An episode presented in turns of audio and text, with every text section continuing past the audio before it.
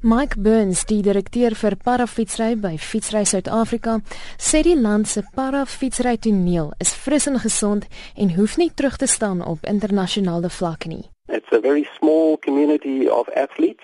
We currently have two world champions, UCI paracycling world champions, and we have secured I think it is five slots, male slots and two women's slots for the Rio Paralympic Games, which is incredible for such a small uh, cycling community.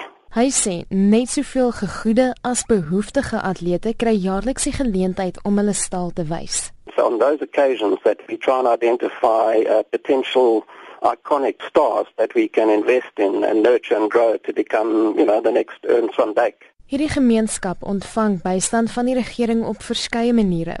Volgens Burns sê die departement van sport en ontspanning deur die jare goed gereageer op hulle aansoeke vir befondsing.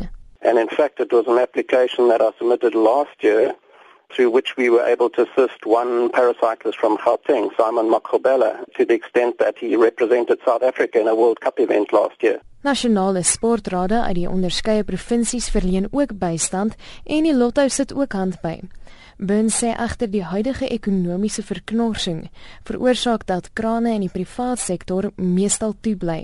Ten spyte hiervan het Fietsry Suid-Afrika goeie strukture in plek wat potensiële atlete se vordering monitor. There's some amazing technology devices that you can monitor how many kilometers, how many watts of effort riders are putting into their training every day.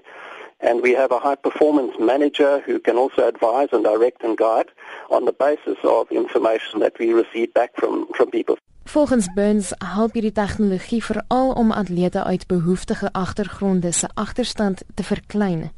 Nog 'n groot struikelblok vir die sport is die duur toerusting. You can buy a pretty uh, decent second-hand racing bike for, you know, perhaps 2 or 3000 rand. An entry-level hand cycle for paracycling would, at the very least, would cost you 40,000 rand. And it's that barrier that I sometimes struggle with imagining how we can overcome that so that we can, instead of supporting three or four riders from disadvantaged communities, that we can support 30 or 40 or 50 riders. Burns sê ten spyte hiervan is daar 'n bereidwilligheid onder mense om die sport meer toeganklik te maak vir potensiële sterre wat in hierdie kwessies te staan kom. Ek is Marlene Forsie vir SABC nuus.